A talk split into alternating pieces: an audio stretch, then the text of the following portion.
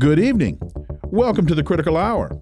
I'm coming to you from the capital of the United States of America, Washington, D.C., here on Radio Sputnik. I'm your host, political scientist, author, and nationally syndicated columnist, Dr. Wilmer Leon. For the next two hours, I, along with my guests, will explore and analyze the salient news stories that are impacting the global village in which we live.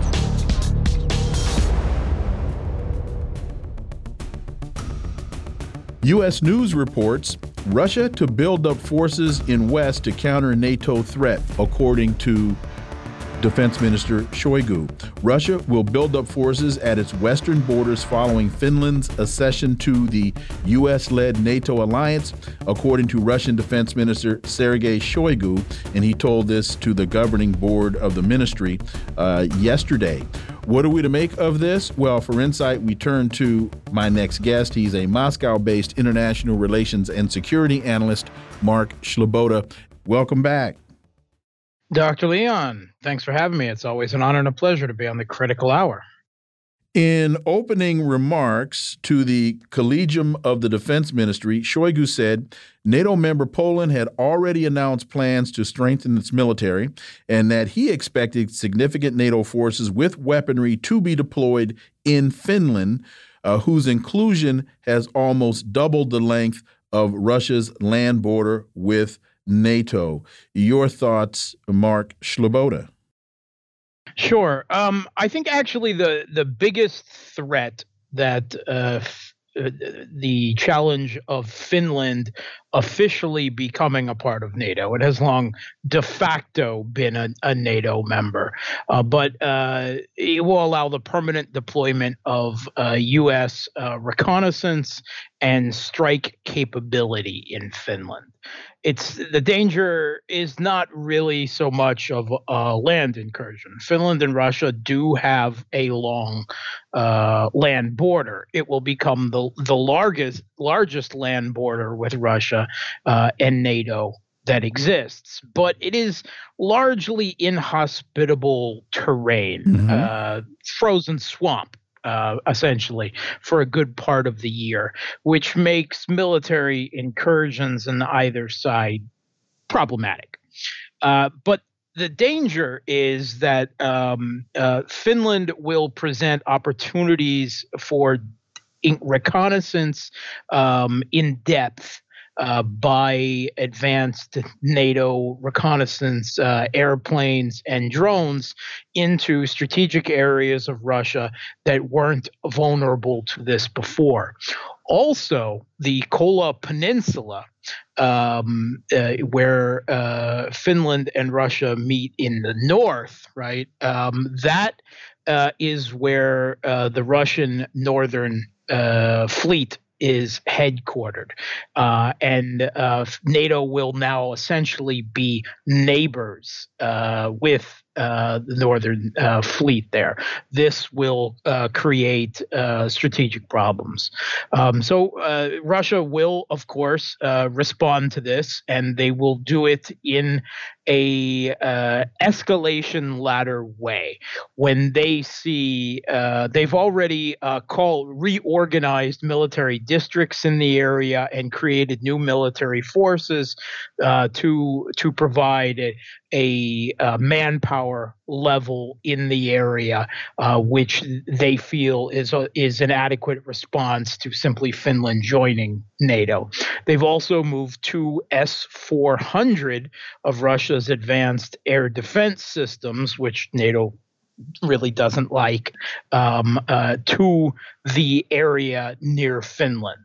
Um, after that, if the U.S. Uh, employs aircraft, uh, reconnaissance aircraft, or missile capability, uh, cruise missiles, ballistic missiles, as such, uh, in Finland uh, on a permanent basis, that will require a much higher level of Russian response. So it will be phased and commensurate, uh, but inevitably.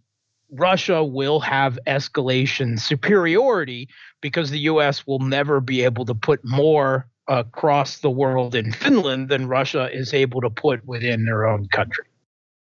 In looking at this language from Shoigu, he called the entry of Finland into NATO and the future entry of Sweden, quote, a serious destabilizing factor, end quote. That sounds eerily reminiscent, if not exactly the language that President Putin used with Joe Biden when they were in Geneva. And President Putin gave Joe Biden Russia's list of concerns about Ukraine. And I, thought he said, as part of his uh, delivery, that he saw what NATO was doing with, with Ukraine a serious destabilizing factor.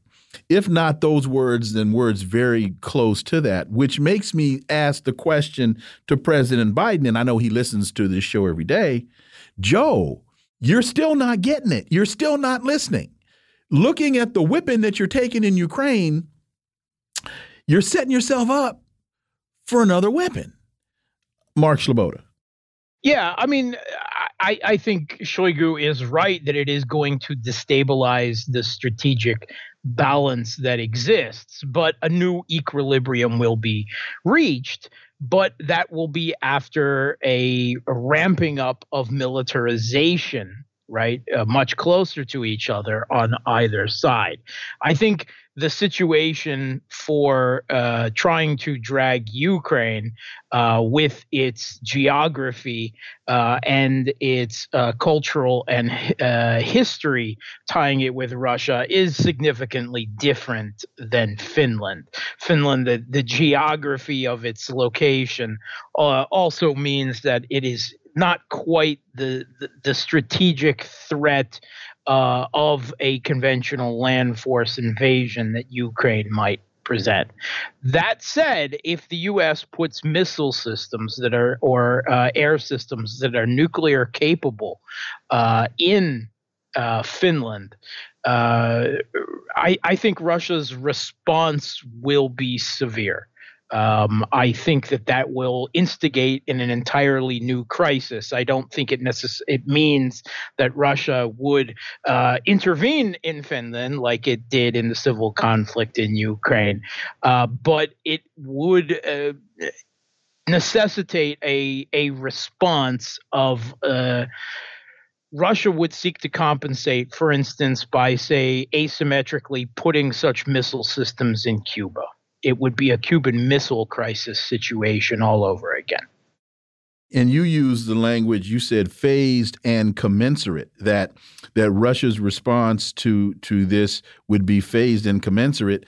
I want to say that uh, President Putin told Joe Biden when Ukraine first sent those troops to the border that Russia's response will be asymmetrical and disproportionate. Uh, I, I, seem to recall hearing those words being used. And so, once again, I say to President Biden, because I'm sure he listens to the show, Joe, you need to really pay attention here. The next uh, related story, tangentially, if not directly, Poland to send additional 2,000 troops to Belarus border. Polish officials said yesterday that Warsaw will send an additional 2,000 troops to reinforce its border with Belarus as tensions between the two neighbors continue to rise. It sounds to me, Mark Sleboda, and I may be biased here. If I am, then please let me know that when they talk about as the tensions between the two neighbors continue to rise, that it's it, the antagonist here is Poland acting once again as the mercenary for the United States, and it didn't work for the Ukraine, and I can't see it working for Poland. Sir, am I off base? I think it's really interesting Poland's hysterical reaction to Wagner being located in Belarus. Mm -hmm. um, they're acting kind of like, hmm, uh, maybe the correct analogy would be like a, a long-tailed cat in a room full of rocking chairs. um, that's what, what, what Poland is is reacting, um, and I think that that is absolutely what Russia, what what uh, Putin and the Belarusian president Lukashenko intended. Um, they uh, quite purposefully, shall we say, trolled, provoked uh, Poland by joking about, oh, Wagner is being annoying by demanding a an excursion into Poland, and they specifically mentioned the uh, Polish uh, city that is basically serving as a NATO uh, hub for weapons that are being brought in and delivered uh, to Ukraine. Um, this was, uh, uh, you know, I think meant at some level to be a joke, but far more it was uh, meant to, I think, distract Poland. Uh, uh, Russia's government, Russian intelligence have made numerous comments at this that they believe that Poland is gearing up for a military intervention in West Ukraine to send troops in. I think what Russia is doing here is trying to distract Poland or present another threat. If you go into West Ukraine, then Belarus will enter the conflict, presumably with, with Wagner at their side, because Wagner now appears to be Lukashenko's creature and problem. Um, and I, I think that the purpose of this is to make Poland think twice to deter them from an intervention in Ukraine. And, and to some extent, if Poland is putting uh, troops on the border with Belarus, of course, the border between Poland, Belarus, and Western Ukraine is all very close right there. Um, it will uh, depend on uh, exactly where these troops are placed uh, and what types of troops they are to see whether this is intended as a, a increasing buffer uh, against Belarus, or if it is an escalation for a movement into Western Ukraine, which would probably lead to both Poland and Belarus entering the conflict, and and which would mark a severe escalation of the conflict. So you said that with Wagner in Belarus, that becomes Lukashenko's problem. And we know that Prigozhin went to Belarus first, but then I was reading stories that he was in Russia. Uh, he was riding around and waving at people. And so, does the location of uh, Prigozhin give an indication of where of, of where Wagner is, or are those two things not necessarily related? Hopefully, that question makes sense. Yeah, no, no. Wagner, uh, uh, Prigozhin is the the financier, the front man, mm -hmm. if mm-hmm. you will. He is not in any way, shape, or form the military commander. Um, don't expect because Prigozhin is jetting back and forth between St. Petersburg and Moscow and meeting, uh, you know, officials okay. from Africa during the Russian summit. It doesn't mean that Wagner is in St. Petersburg or Moscow.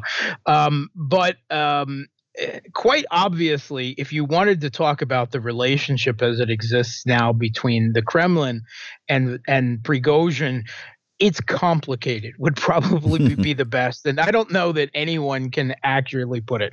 I think putin has adopted a, a um, kind of unfathomable to many Westerners pragmatic attitude to figure out how he can still make use of Wagner while defanging any possible threat to Russia at the same time and dumping it off on Lukashenko and using it to uh, uh, frighten Poland, uh, you know, might be part of that. Um, and there, of course, is every possibility that Wagner could be getting further involved in West Africa. It's already heavily involved in Mali and Burkina Faso, and there seems to be uh, some type of outreach uh, from from and, certainly from uh, Niger's side mm-hmm. towards um, uh, Wagner uh, about the possibility of Wagner uh, supporting the new transitional government there. Uh, but uh, we know that the U.S. Um, deputy ogre, I mean, Secretary of mm-hmm. State Victoria Nuland uh, already uh, jetted over to Niger and um, attempted to meet with the leadership of uh, the junta in Niger and was was disallowed from it. Um, I, I saw the headline: "Regime change Karen asks to speak to manager in Niger," which which I think sums up uh, quite quite quite uh, perfectly. Uh, th- there is an implicit threat indicated whenever Victoria Nuland mm-hmm. is sent anywhere uh, that regime change uh, is on the table, and that I think is a message that's delivered. Uh, but Prigozhin's response to that was wonderful. Um, I, I, don't think much of the man in, in, in, many other regards, but his response to Nuland uh, landing uh, in down in Niger and warning them, "Don't you dare associate with Wagner," was that he the simply the threat of Wagner has made the U.S. already at some level recognize the new government in Niger, and he's like, mission accomplished, which I, I thought to be um, uh, witty and and also quite um, insightful. Well, I, I, read that the reason that the leadership in Niger didn't meet with her is because she didn't bring cookies and they said no no cookies no meeting and and sent her out of the country. I that's what i read. I i think that if she had brought cookies the response would have been military. Oh okay. But i heard they're really good cookies. They're they're so good they make you want to overthrow your government. Nuclear cookies. Nuclear cookies. Sputnik International, Russia, Russian strategic missile forces to wrap up rearmament with Yars ICBM in 2023 and I put that story in with the Libertarian Institute, and they have a piece. The Pentagon plans to put hypersonic missiles on problematic warship. So the Libertarian Institute seems to be reporting that the United States is going to put technology it has not developed on a warship that seems to break down in the ocean versus Russia putting tested, built weaponry into its um, forces by the end of this year. Yeah. Okay. So I mean, these are two entirely different weapon systems we're talking here, right? right. The the Yars ICBM. Um, it is. We got a, about forty five seconds, uh, by the way. Sorry. Yeah, mobile intercontinental ballistic missile, right, with multiple three stage um, uh, reentry vehicles. It is meant as a strategic deterrent. It mm-hmm. is is on a completely different level from the U.S.'s uh, prompt strike uh, global, which is meant as a conventional weapon that could be able to strike anywhere in the world within an hour. They are very different, uh, you know, strategic versus uh, conventional uh, types of weapons. Uh, but certainly, uh, I'm who thought it was a good idea to put this untested hypersonic weapon on a ship that that, that they reduced it from 32 down to three, and they can't even mm-hmm. get it to change home ports without breaking down. That's my way. point. Uh, yeah, that's that seems a mistake to me. Mark Sleboda, as always, thank you so much for your time. Greatly, greatly appreciate that analysis. You gave us more time, and we greatly appreciate it. Look forward to having you back. Thanks for having me. Folks, you're listening to the Critical Hour on Radio Sputnik. I'm Wilmer Leon. There's more on the other side. Stay tuned.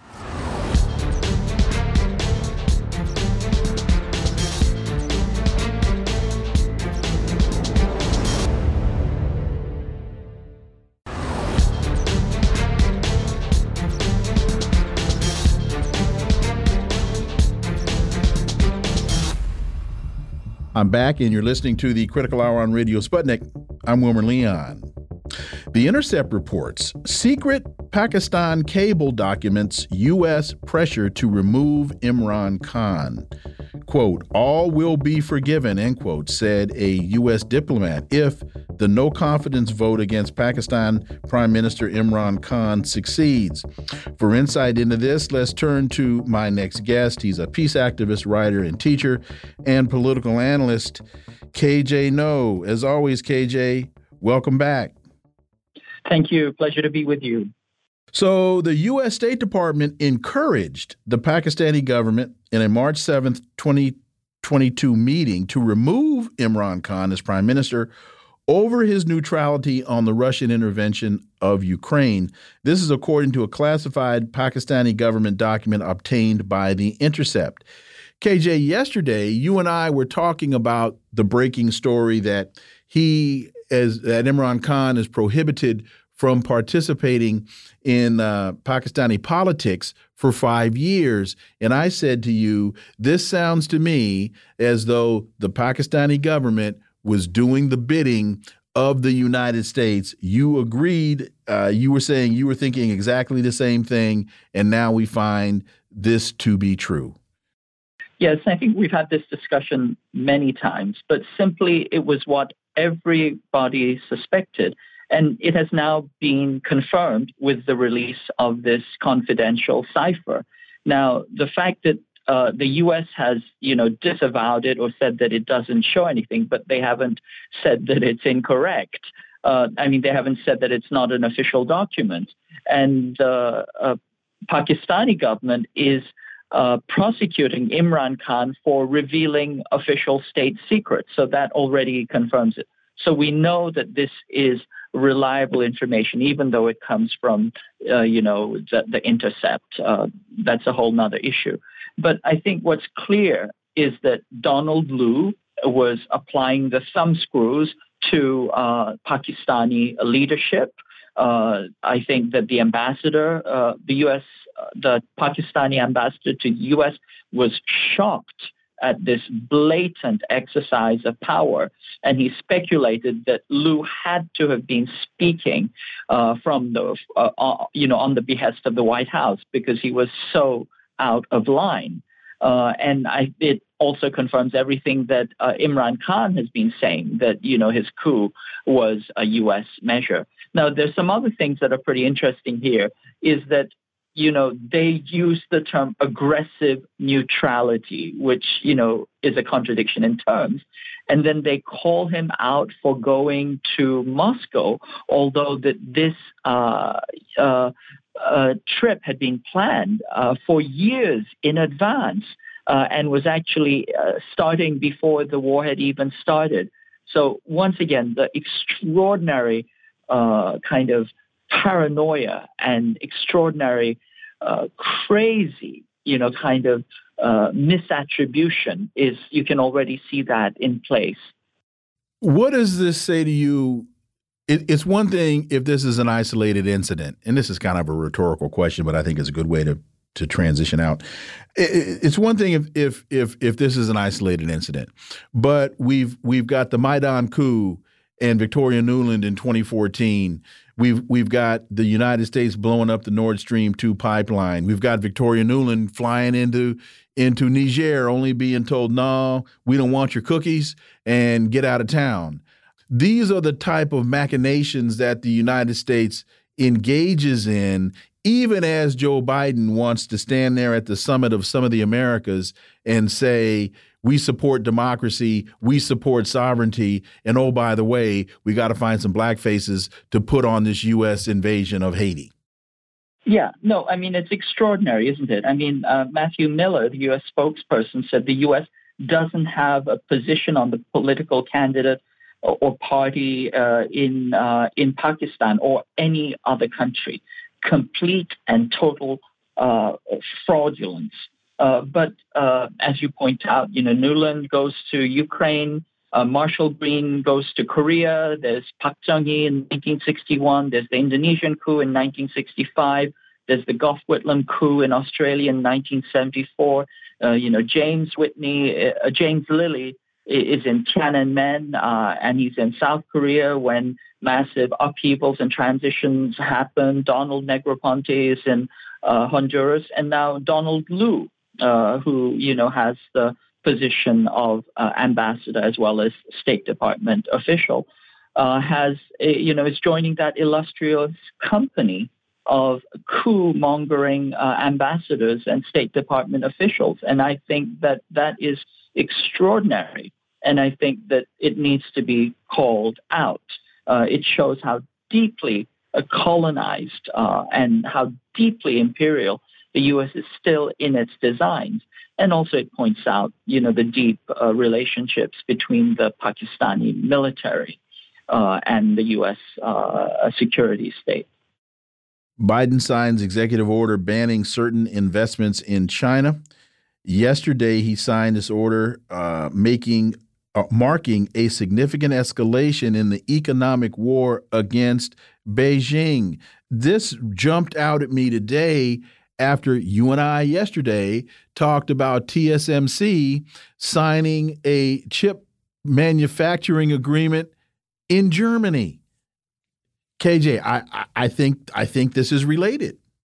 I, I think it's all related. I mean, once again, the U.S. is continuing to escalate and it's continuing to insult China with its policy. And the Chinese, no mistake about this, they're very, very upset about this. And we can expect some kind of retaliation. It will probably be asymmetrical, but there will be some countermeasure.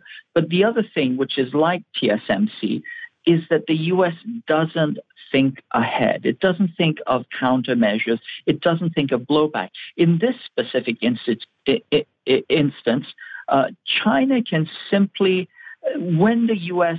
Uh, invests in China, when you have an equity firm or a VC firm uh, investing, quote unquote, investing in Chinese corporations, remember at the end of the day, the U.S.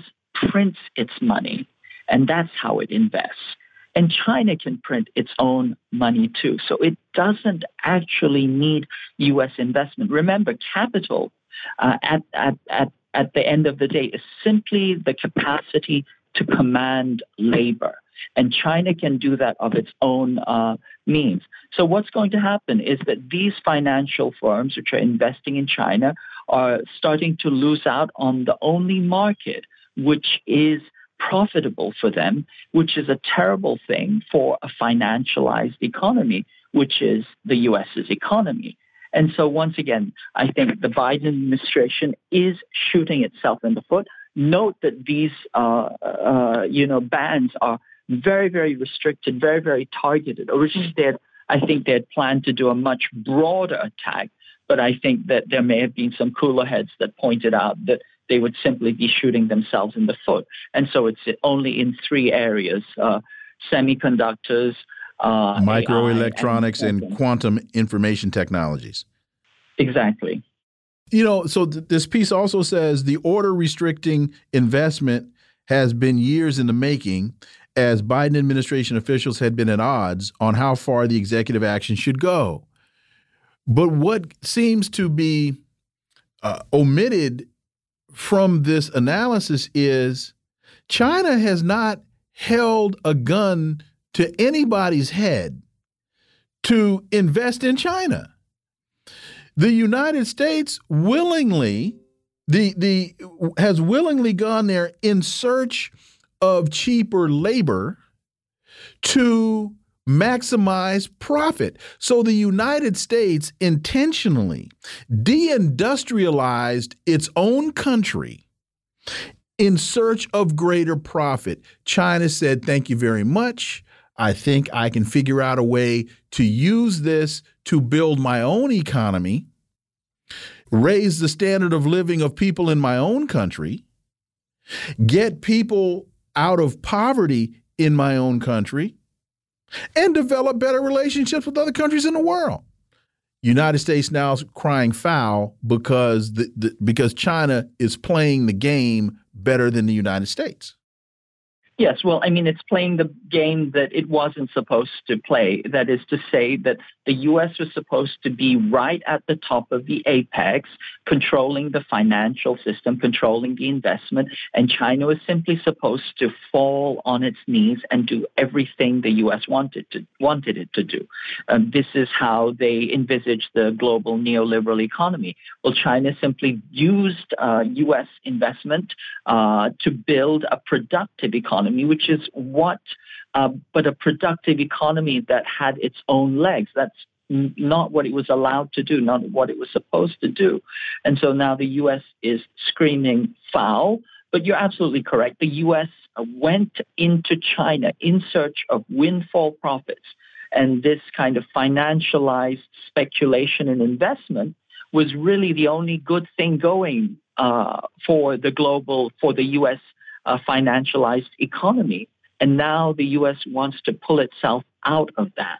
China's economy is growing, is still growing in leaps and bounds. It's expected to grow 5.5%. Investors seeking, quote unquote, a return uh, are, are, now going to have that avenue cut off from, from them. And the U.S. is fundamentally undermining its own system. It's undermining, quote unquote, its own, you know, capitalist freedom in order to kneecap China, which it won't succeed at. But more than that, it will be kneecapping itself. There's an interesting piece in Asia Times why China rarely escalates U.S. provocations. Contrary to claims Beijing blindly bends to nationalism in responding to foreign slights and crises, the reality is far more complex. Your thoughts, KJ Noh?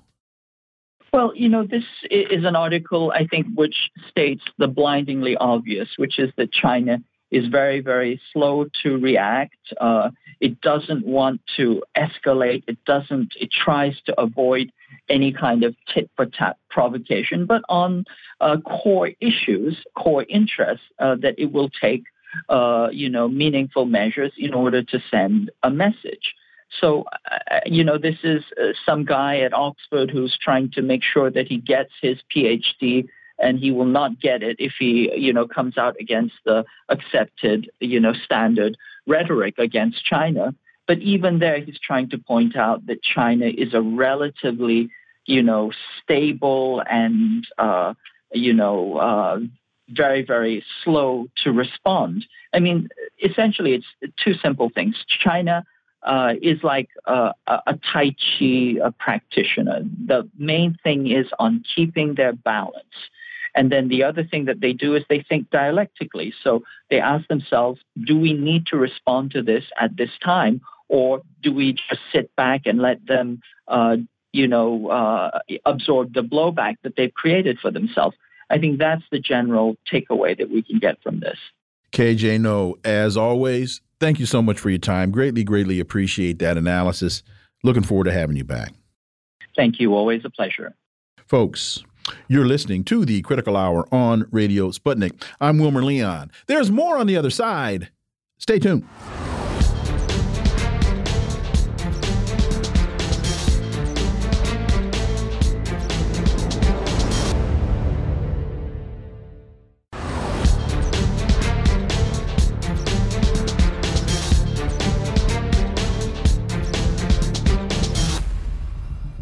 I'm back, and you're listening to the Critical Hour on Radio Sputnik. I'm Wilmer Leon.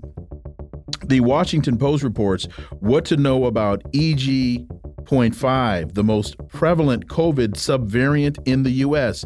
The coronavirus has not disappeared. With the advent of successful vaccinations and better social management, however, it has waned. What are we to make of this? Well, let's turn to our next guest. She's a board certified pediatrician, public health expert, and obesity medicine specialist with a telemedicine practice at AskDrYola.com. Dr. Yolandra Hancock, as always, welcome back. Thank you so much for having me. So, what do we know about EG.5 and how concerned should we be? The interesting thing, Dr. Leon, is that we have a pretty even playing field in terms of the most dominant uh, subvariants that we're dealing with. EG.5 sort of edges out the rest of them by just a slight percentage. They make up, or it makes up now, uh, a little over 17% of all new COVID 19 cases. And the Kraken, which was um, out here wreaking havoc, has fallen into about the third position. It has hung tight for a good couple of months. The good news is that EG.5 is not associated with more severe symptoms. When we look at our partners across the pond in the UK, when we look in Australia, usually they lead in terms of what we will experience in a couple of weeks. And what they're showing is that they're definitely increasing the number of COVID 19 cases that their population is experiencing, but they're not seeing a very significant increase in terms of the number of people that are being hospitalized or dying from COVID. We're seeing similar patterns here in the United States. For a while, our wastewater measurements, so that's looking at how much COVID is in the water we flush down into our sewage systems. It's mm-hmm. really the only objective measure we have right now, mm. given the fact that the emergency, uh, the public health emergency ended in May, and no one is required at this point to report to the CDC case numbers. We've talked before about how case numbers really don't reflect what's happening in terms of transmission um, because most people are either not testing or testing at home and we can't capture that data. So really the only way that we know in this country how we're doing in terms of COVID-19 transmission is through our wastewater. Just a couple of weeks ago, we were looking at about 130, 140 copies of COVID in our wastewater. We have almost um, multiplied that by two and a half times since uh, just about three weeks ago. So we're now in the 300s in terms of copies of COVID in the wastewater. What that means is that the numbers of people having or developing COVID has increased significantly across the country. We're seeing increases in wastewater, Midwest, in the West, in the Northeast, and in the Midwest. We're seeing all of the, and in the South, I should say, we're seeing increases, particularly in Florida. They are, their numbers are actually skyrocketing. So one of the things that's interesting with these subvariants is that with each subvariant, it seems to become even more infectious, more contagious. And right now, EG point, EG.5 looks like it is um, identifying itself as the most contagious of all of the subvariants we are now dealing with. And I'll tell you, we're dealing with about 13 or 14 different subvariants, but EG.5 is uh, raising itself to the top. And do the current vaccinations protect us against EG.5? Very good question. The ones that we have gotten our boost of the boost of the boost was really focused on um, Omicron specifically. In the fall, we will have an XBB specific vaccine. The the EG.5 is a subvariant of XBB, so it is anticipated that we will have good protection for those of us who choose to get boosted this fall. So anyone listening if you have not gotten a COVID 19 vaccine, I highly recommend that you do. If you were boosted last year, prepare for your what we call the flooster, so your flu shot and your COVID 19 booster this year because it will be variant specific. Switching gears, there's there was a story in the Washington Post which I wanted to laugh, but I but it, it is it is so serious and relevant. Do you let your dog lick your face? It can make you sick. No joke. Infections acquired from pets are likely underestimated, and he, the odds of getting sick from a friendly lick across the face are very low. But the fact is that all dogs will be dogs from time to time. I say they'll be dogs all the time. That is, chomp down on goose poop by the sidewalk, lick their nether regions multiple times a day, and bring home the odd dead critter. That's the same mouth you'll be getting up close and personal with. Not only that, that's the same animal many people will allow to get into the bed with them. Mm -hmm. Dr. Yolandra Hancock, what say you? Listen, you already know. Ew, ew, ew. And unfortunately, Dr. Leon, this this notion of dogs' mouths being cleaner than humans mm -hmm. is mm-hmm. based on studies. There was some study that was published a long time ago, about 60 years ago, where they looked at the risk of infection of bites from human bites and dog bites. And the data from this initial study showed that for certain areas of bite, there was a higher likelihood of getting an infection from a human bite than a dog bite. It didn't mean that the dogs didn't have a risk of infection. There was just a slightly higher risk, a statistically significant higher risk. Multiple studies have been done since, since then that show that that original article was wrong. Dogs have about 600 different species of bacteria in their mouths. We have about 615. Mm. That 15 does not make that much of a difference. not only that, it's comparing apples to oranges. Mm-hmm. We have different kinds of bacteria in our mouth compared to dogs. And goose they, poop they in one of them. Exactly. They're colonized with all kinds of things that we, as a standard rule of thumb, are not walking around with in our mouth. And when you allow a dog to lick you all up in the face and in the mouth, which I've seen and it made me gag, mm-hmm. you are allowing that dog to introduce what we call flora, bacteria, into your system that you otherwise would not have exposure to. So absolutely not. You don't let, why would you? Like, would you go and lick some goose poop yourself? That's pretty much what you're doing. You're letting that dog that's licking his nether regions and all the other things. Dogs eat poop. They aren't just licking their behind. Mm-hmm. They're actually eating their own poop sometimes. Mm-hmm. I've seen it. I have a dog, so have I. Disgusting. It's absolutely disgusting. The notion that somehow their mouths are cleaner than ours and that Therefore, it is accepted that they lick us in the mouths and all over the face. The answer is no. Okay, and just let me quickly get back to uh, COVID. And you are you are strongly advising as we are now moving back to school reopening that folks get their flu shots, folks get their COVID vaccines, and folks get their COVID boosters. Absolutely. And one of the things that we have to remember is long COVID. Not enough attention has been paid to long COVID. There was a recent, recent study that showed the more frequently you get a COVID-19 infection, the higher the risk of you developing long COVID symptoms. So much so that for people who have multiple reinfections from COVID are t- twice as likely to die and three times more likely to be hospitalized than those who have not experienced a reinfection. So simply because you had a milder version of COVID back in 2020 or 2021 does not mean that it will not catch up with you. We know that studies show that receiving the vaccine actually decreases the severity of symptoms and decreases your risk of developing long COVID. So be out there, be smart, mask up in indoor environments at this point, given that numbers are high, and strongly consider getting your booster in the fall. So with this new EG.5 variant, and if I understood what you said, the current booster does not include that variant. Should we wait or should we not wait and get boosted now and then get reboosted when that new booster with for that variant comes out? Excellent question. Right now, I would mask up and just be mindful of my activities indoors. The numbers are up, but it does not necessarily mean that we need to rush to go get boosted with what will not protect us in the fall through winter of this year. When do we expect that new one to come out?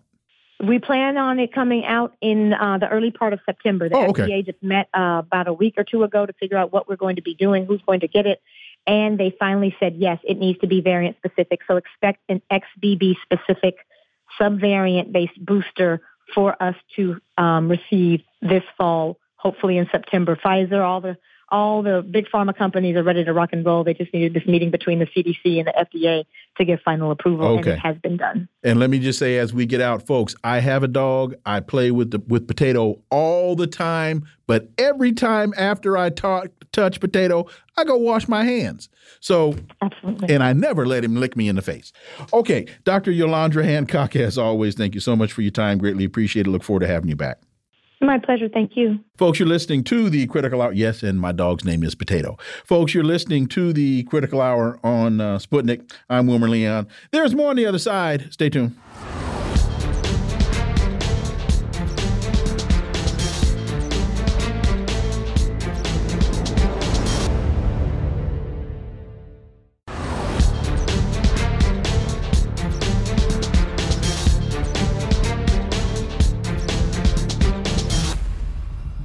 I'm back, and you're listening to the Critical Hour on Radio Sputnik. I'm Wilmer Leon. Ohio votes against issue one in special election. Here's what that could mean for a woman's right to unencumbered health care and a right to choose. Ohio voters on Tuesday definitely rejected a closely watched proposal known as Issue 1 that would have made it more difficult to amend the state constitution, delivering a crucial victory to pro choice rights supporters. And all of this is ahead of a November vote on enshrining reproductive rights in the Ohio Constitution. How significant is this? Well, for insight, Let's turn to my next guest. She's a political commentator and podcast host, Misty Winston. As always, Misty, welcome back. Thank you so much for having me. I appreciate it. So, with all precincts reporting and about 58,000 absentee and provisional ballots outstanding, the measure uh, was failing by a margin of about 58 to 42. Issue one would have raised the threshold for approving future changes to the state constitution through the ballot box for a simple majority 50% plus one, as opposed to 60%. Misty, your thoughts on what just transpired in Ohio? Well, I'm actually in Ohio. I live in Ohio. I was born and raised here, so this is something I've been following closely, obviously. Um, and this is uh, certainly interesting. I think that Uh, you know, the anti-abortion, both, I think both sides of this issue have spent a ridiculous amount of money, uh, as I'm sure you can expect. Uh, but this, I think, was a pretty decisive win uh, here for the pro-choice crowd, uh, of which I am a part of. So I think it's a very good sign moving forward into November. I think it's going to be interesting to see how that vote plays out, given the vote that we've just had, and see if that has any bearing whatsoever, or if the uh, uh, the anti-abortion crowd will kick up their efforts and, and it may uh, cause a little bit of a, a flip up there. But we'll see. If I understand the dynamics correctly, it had just been decided that these types of elections, these types of referendums were not, the Republicans decided that these types of referendums were not going to be held in August, and they went ahead and, and violated their own diktat. Yeah.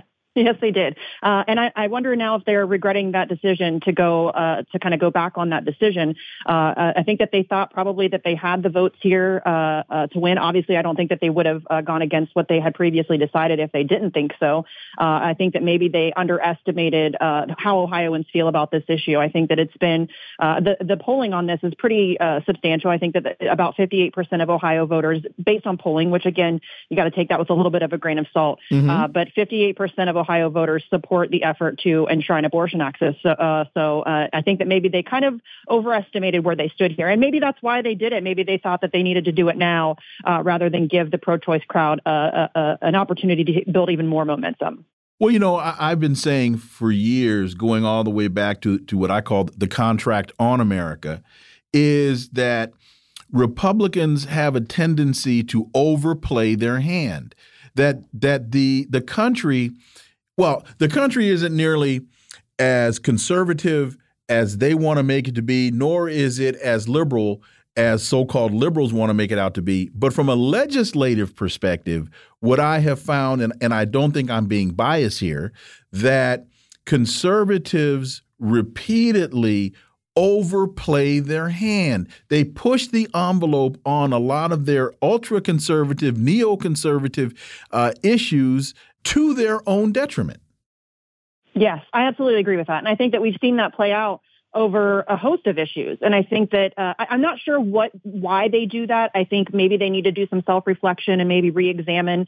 Uh, it seems as if they choose these issues that are, um, you know, where I think it's pretty clear where most of the country stands on it, but they are so married to their ideology that they're unwilling to budge. And I think that they they just for whatever reason they really tend to fo- hyper focus on those issues. And I think, it, like you said, it really is to their detriment. Well, but it also seems to be that it's the elite within the party and a very small but well financed and well vocal groups of conservatives because this was not a Democrat versus Republican outcome.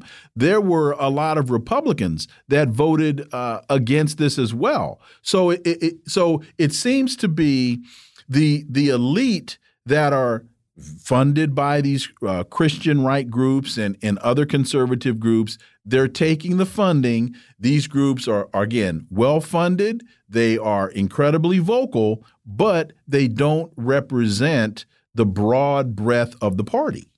Yes. Well, and I also think, too, uh, that I think we saw a lot of conservatives or conservative leaning folks vote uh, against this because this was a literal change to the state constitution. And I think a lot of those voters are very um, uh, dedicated to the Constitution, and they very they feel very strongly about uh, upholding the Constitution. And so, making any changes to it, I think, immediately makes them give a little bit of a side eye to any one of these issues. And I think that we probably saw a lot of those voters come out who maybe aren't necessarily pro-choice, uh, but who didn't feel like it was uh, okay to, for the for the Constitution of the state of Ohio to be changed in order to to make that happen.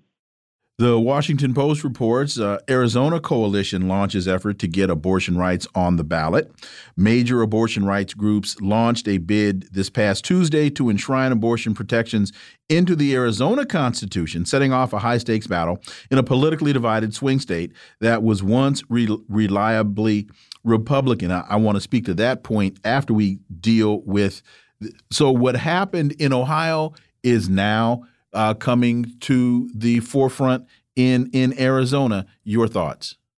I think we're going to see this. Uh, uh, this is going to we're going to see this spread like wildfire. I think the um, uh, the inability or the unwillingness of the National Democratic Party to tackle this issue and to really uh, uh, uh take charge on this, we're going to see states taking the lead on this. And I think that that's probably the best way to go about it anyway. I think you know states taking the lead on this and, and, and, kind of enshrining it into their own personal constitutions is probably going to give women a lot more protection than we've seen that the National Democratic Party at the federal level will do. So I think we're going to see states all across the country start to start to lead this charge. Uh, I'm kind of excited that Ohio was one of the first. So uh, I think we're going to see this uh, over the next you know two, four, six years. This is going to be something that we see a lot more of.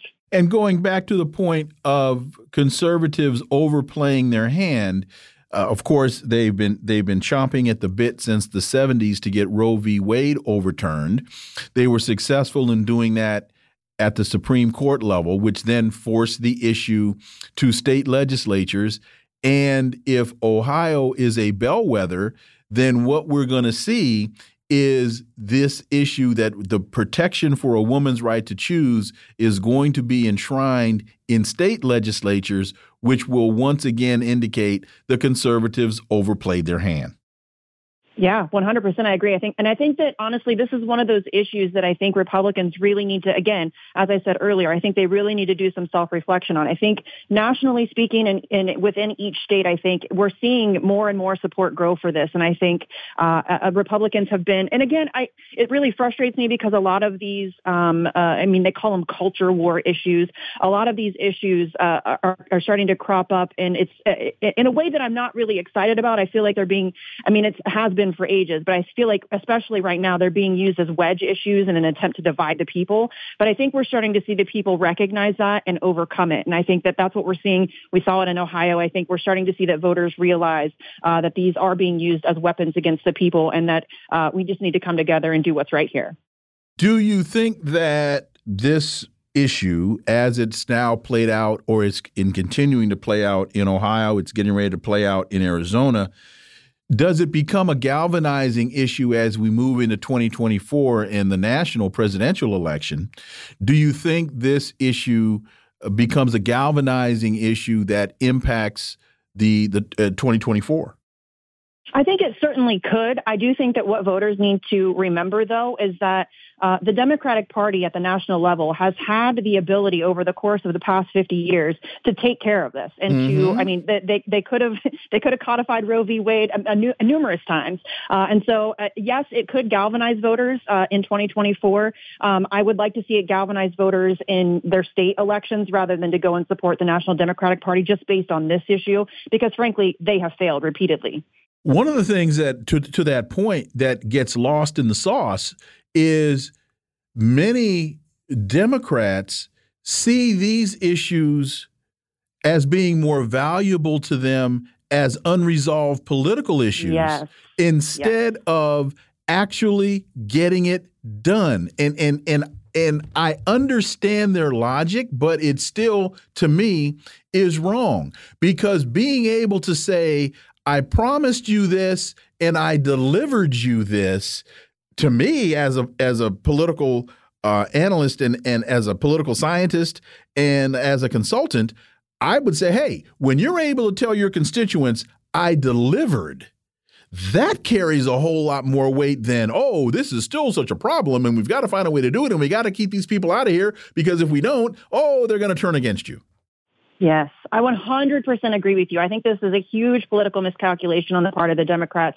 And this is not the only one on numerous issues. But I feel like they uh, they want to be able to use this issue as a weapon every election season. It's something that they can use to fundraise off of. It's something that they can use to fearmonger. Oh, you can't. You have to come out and vote for Democrats, otherwise you're going to lose your right to choose. And they've done that so often. And again, I think that I think that voters are really starting to see through that play. Uh, so I think that Democrats really need to uh, rethink their strategy here because I feel like uh, actually delivering on this, uh, I think, as you just said, I think that would be monumental. And I think that they could uh, instead of using the, the unresolved issue to run on every two to four years, they could run on, hey, we got this done for the next several decades, and they would win.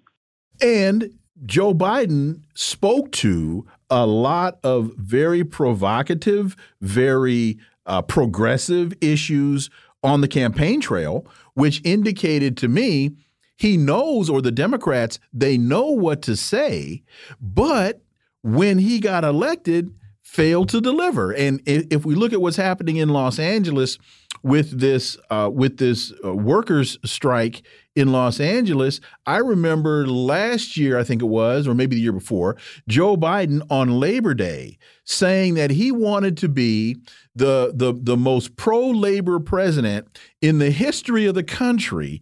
And then as soon as that CSX railroad train left the station, Joe Biden was in the car with the with the railroad executives, not on the ground with the employees failing to deliver on his promise and and I, I, can tick off a whole lot of other things that he promised and failed to deliver on abortion being one of them but so so again as he looks at his numbers in the toilet, as he looks at his numbers circling the drain, a lot of it has to do with the fact, Joe, you and I know he listens to the show all the time. Joe, you didn't deliver to the constituents and now you're out here wondering, well, will black people come and vote for Democrats? Well, if you deliver something, then a lot of people would vote for Democrats.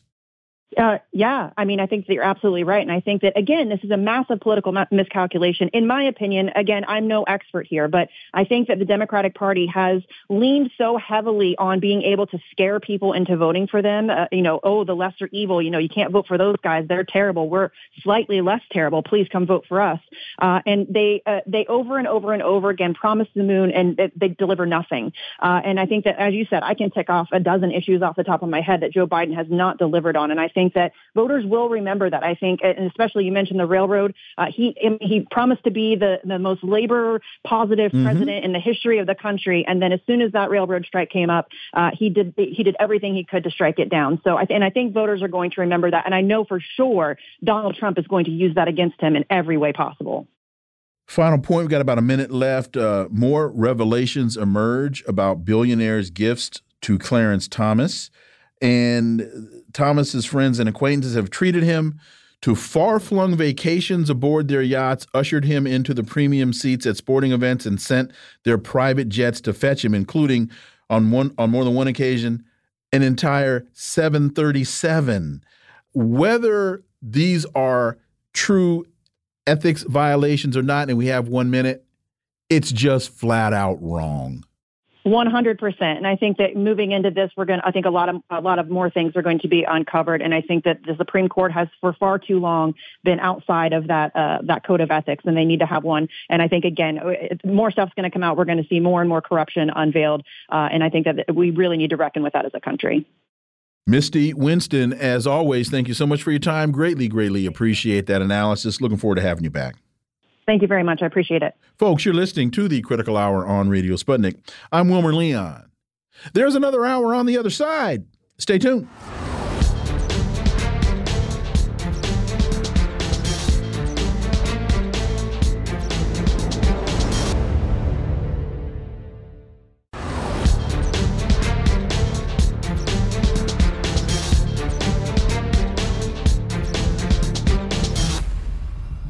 I'm back, and you're listening to the Critical Hour on Radio Sputnik. I'm Wilmer Leon. Al Mayadeen English reports Hezbollah member protecting resistance owned truck killed by militants. In a statement, the Lebanese Resistance Party says armed militiamen attacked the truck's crew after it overturned on the road in an attempt to seize it. For insight into this, let's turn to my next guest. He's an award winning broadcaster, analyst, and journalist based in Beirut, Lebanon, Laith Marouf. As always, Laith, welcome back. Thank you for having me. So, according to the Lebanese Resistance Party, while one of its trucks was on its way to Beirut coming from Bekaa, the vehicle overturned on the road.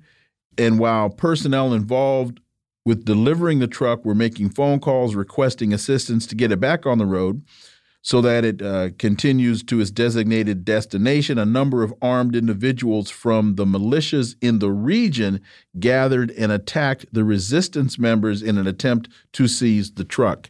Laith Marouf, uh, what's going on here and why is this particular attack so significant? It's very significant because uh, just uh, a day before that, the Saudi embassy called on all its citizens to leave Lebanon, and it was a shocking uh, statement because no, there was no problems in Lebanon at the at the same at the time, and then we have this uh, attack on the uh, resistance truck by the Phalange, the Christian supremacist uh, groups. Uh, the videos of the attack show um, deliberate targeting of uh, the resistance members who were uh, not uh, violent in any way or doing anything, um, and ev- eventually the resistance taking out the um, you know militiamen that shot at them. Um, it also comes just a few hours ago. This is not on the news yet in the West, but it's a big story right now in Lebanon. The Minister of Defense of Lebanon, uh, his convoy got shot at, and his car, uh, you know, the rear window, a bullet went through it and missed the minister.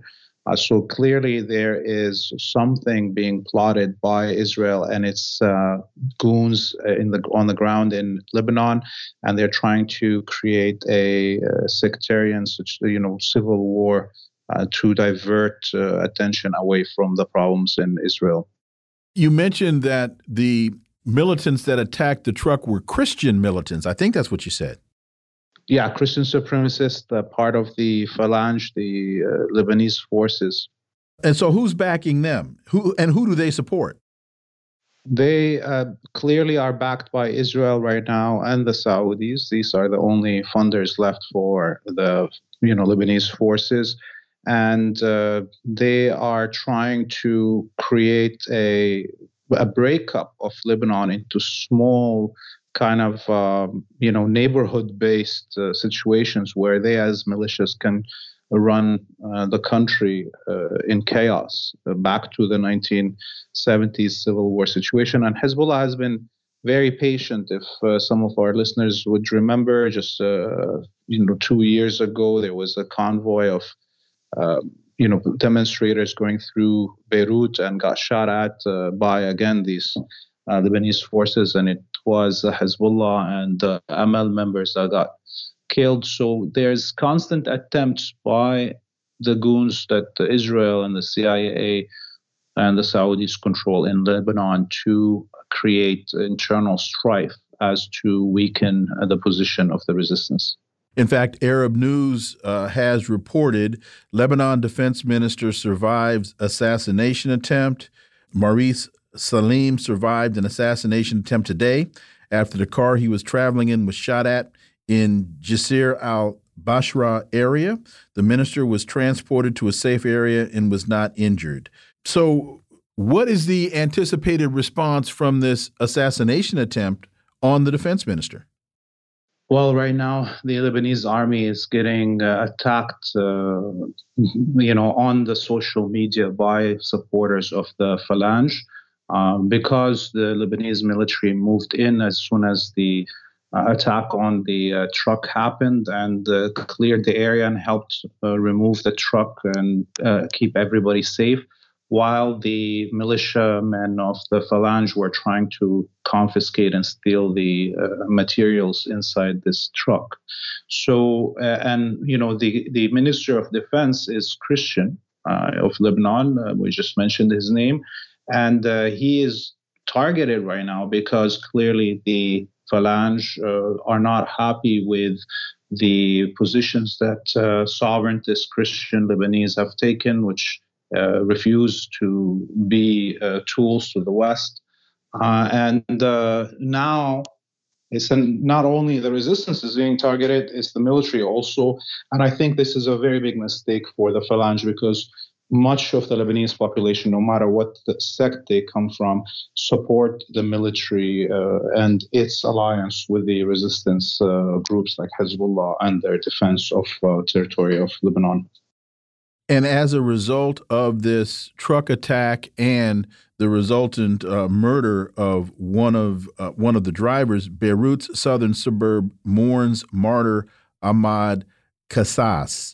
Uh, he uh, his brother tells Al Mayadeen that some sides are attempting to sow discord between Muslims and Christians in Lebanon, but quote we will not allow that end quote. Laith Marouf. You know, this martyr also served in Syria uh, during the war against uh, the terrorist invasion of the country and was uh, one of the members of Hezbollah that freed the uh, and liberated the, the, churches of Malula from uh, ISIS occupation um, and was one of the those who worked to renovate those churches um, and help the the nuns in the nunneries come back to Malula. And unfortunately, uh, you know, some fascist uh, phalanges um, are ruining the relationships between the Christian and Muslims of Lebanon who have been in solidarity together uh, against uh, colonialism and uh, invasion by Israel for uh, a century and more. And so, you know, to see this hero that helped you know, bring back Christian Syrians to their churches, uh, being killed at the doorsteps of a church in Lebanon um, by uh, those who claim to speak on behalf of uh, Christian Lebanese. It is uh, disheartening, and I, you know, the Lebanese people, not only Hezbollah right now, are mourning uh, a man that uh, spent his life defending their fellow men and defending the diversity of our region religiously. The Cradle reports U.S., UK, Canada sanction uh, Riyad Salameh for embezzling $300 million in public funds. They are they announced coordinated sanctions against him. He was Lebanon's he's former central bank governor and four of his associates for their role in the diversion of over 300 million dollars from the bank coffers. Your thoughts, Laith Marouf? I mean, this is uh, to see how this man falls from the grace and protection of the United States to the minute he loses his job that they throw him under the bus uh, to the sharks. Uh, you know, Salameh, it's been just a few weeks that he's been removed from his position after years since the collapse of the economy in Lebanon. And the American ambassadors in Lebanon kept on defending him and threatening the Lebanese government if they remove him, that they will receive more sanctions.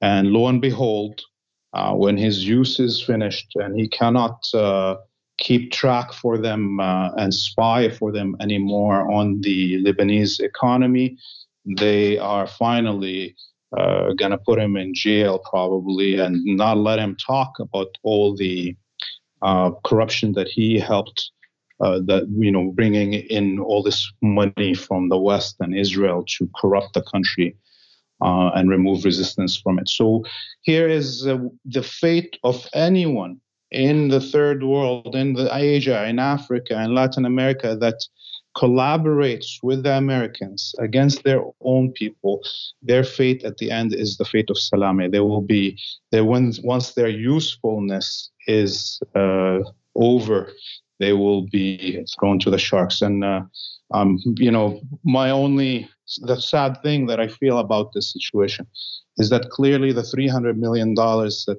uh, we're being told he stole, and I'm sure he stole even more than that, along with his family, that that money will never come back to Lebanon. The West is just going to steal it like they stole the money of Libya and Iraq that was in the Western uh, coffers and banks. Uh, that never came back to Libya or Iraq. And I believe this is going to happen the same thing for the money that Salam and his family looted out of Lebanon. Ramzy Baroud has a piece in Consortium News Mahmoud Abbas and Risk of Civil War. Baroud writes, This is the perfect opportunity for Palestinian Authority President Abbas to exit the stage, but he will not. Abbas's brief visit to the devastated Jenin refugee camp in the northern occupied West Bank demonstrated the absurdity and danger of the Palestine Authority and its 87 year old leader. As he walked, Abbas struggled to keep his balance in what was promoted as a solidarity visit to the camp. Your thoughts, Laith? I mean, look, uh, this morning uh, in uh, in Ramallah, um, and the Israeli Palestinian, I almost said Israeli, the Palestinian Authority security forces uh, attacked mourners uh, that were, you know, had a procession for an assassinated youth that the Israelis killed the day before um, and opened uh, gunfire at them. So we are at the stage that it's clear um, Mahmoud Abbas uh, is uh, just a figurehead for this collaborationist uh, militia that uh, the West built inside the West Bank to uh, fight uh, on behalf of the Zionist any resistance movements on the ground. And no matter how much the other Palestinian groups, uh, like Palestinian Islamic Jihad and Hamas and PLFP, try to avoid a confrontation with the Palestinian Authority forces, this is something that's uh, coming on the horizon. There's no way to deal with the occupation uh, by the Israeli forces without also dealing with their collaborationist uh, militia of the PA. Mondoweiss reports Biden is risking war with Iran and the media is ignoring the danger.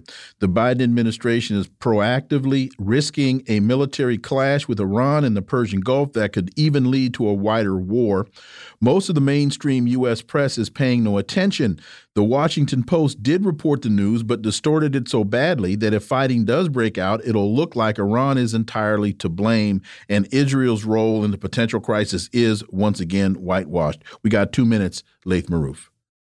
Well, this is a story that is developing uh, fast, and it seems like the United States is escalating all fronts of confrontation in the world, whether it's in Africa, Asia, um, or Latin America. And uh, unfortunately, uh, the is you know Americans are playing with fire in this situation.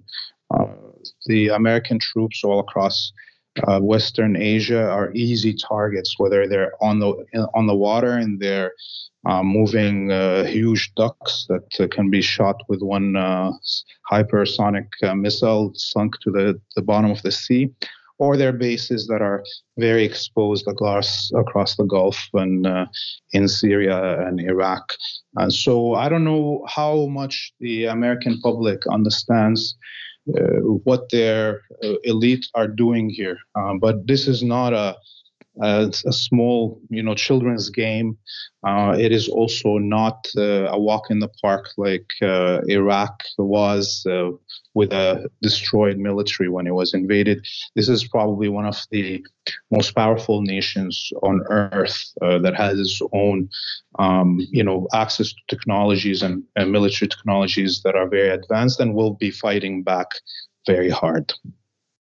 And just really quickly, if you could comment on there's one more story. Smotrich says university radicalizes Palestinians following higher education funding freeze.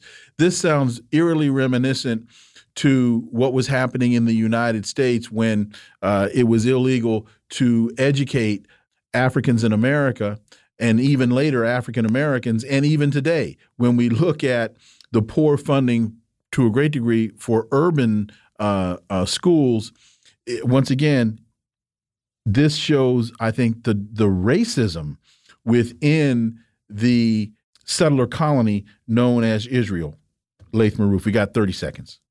Yeah, I mean, we're back to uh, outright Jim Crow laws in uh, Israel. It's beyond uh, apartheid, uh, and uh, you know, they're doing it in the open. We saw how they cut all the funding and said they will discriminate against Palestinian uh, cities within Israel proper that are that have uh, Palestinian Israeli citizens. And uh, similarly, we saw the changes in uh, punishment uh, for sexual crimes. If it's an Arab, they'll get double the the punishment as a Jew would get. And now we see the situation where they're saying openly that they are scared about the high education levels the Palestinians have. By the way, Palestinians have the, one of the highest uh, percentages of PhDs in any population in the world, not alone uh, in Asia and Africa. And uh, so they are scared about how Palestinians are educated and able to speak about their history and their situation to the world so eloquently in the colonial languages of English and French and what have you. Um, and uh, the Palestinians have been uh, for 100 years telling their children that uh, achieving the highest education possible is the best revenge to those who wanted to erase us from existence. And of course, it's clear that we are succeeding as Palestinians, and the Zionists are desperate uh, when they need to reach such levels as to uh, have discriminatory laws in terms of funding for education inside the colony. And let me say, just as a personal anecdote, I know a lot of Palestinians and like Laith Marouf, well educated, really, really smart folks. Laith Marouf, as always, thank you so much for your time, man. Really appreciate it. Look forward to having you back. Thank you very much for uh, that great, uh, you know, promotion and wars, and uh, love to you and your family. See you soon. Thanks, man. Folks, you're listening to the Critical Hour on Radio Sputnik. I'm Wilmer Leon. There's more on the other side. Stay tuned.